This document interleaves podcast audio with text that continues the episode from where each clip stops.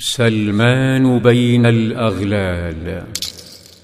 تظاهر سلمان بأنه قد ألف السلاسل حتى يطمئن واردة ثم أرسل صاحبه لتجار الشام يسألهم متى يوم مغادرتهم. وفي أحد الأيام عاد والده المفجوع فمر ليتفقد نور عينه الذي يوشك أن ينطفئ. دخل غرفته تلفت ثم صاح كالمطعون فاجتمع أهل القصر. نظروا فلم يجدوا سوى بقايا السلاسل والأصفاد. انطلقوا بحثا في كل مكان. توجه والده إلى المتهم الأول. الكنيسة سأل القساوسة وبحث وفتش بلا جدوى. ثم عاد محطما يبكي حبيبا أحال فراقه الحياة مريرة.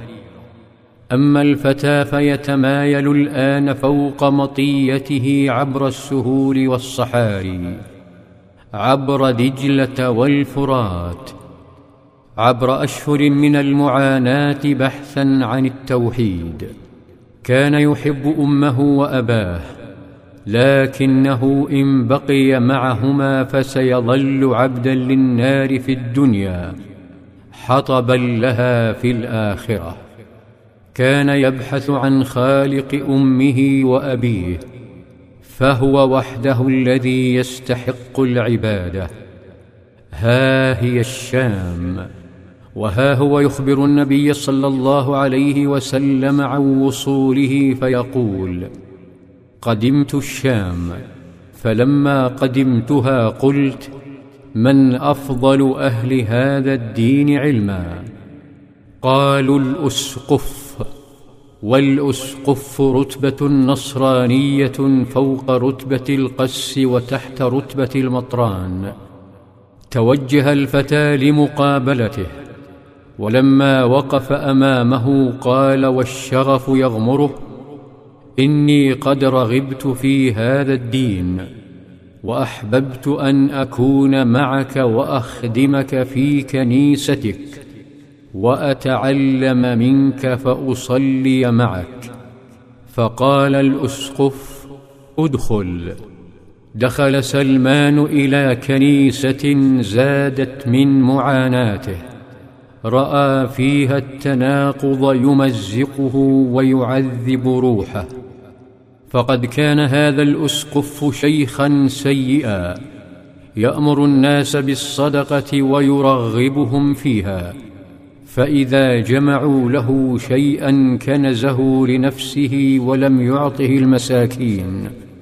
حتى جمع سبع قلال من ذهب وفضة. فأبغضه سلمان بغضا شديدا وعانى سنوات حتى لاح الفرج. مرض الأسقف وتدهورت صحته ثم مات. فأقيم له قداس كبير.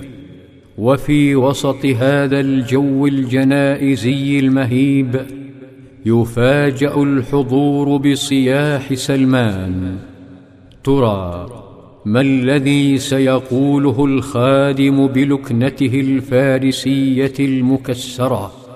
صاح سلمان إن هذا الأسقف رجل سوء يأمركم بالصدقة ويرغبكم فيها فإذا جئتموه بها كنزها لنفسه ولم يعط المساكين منها شيئا.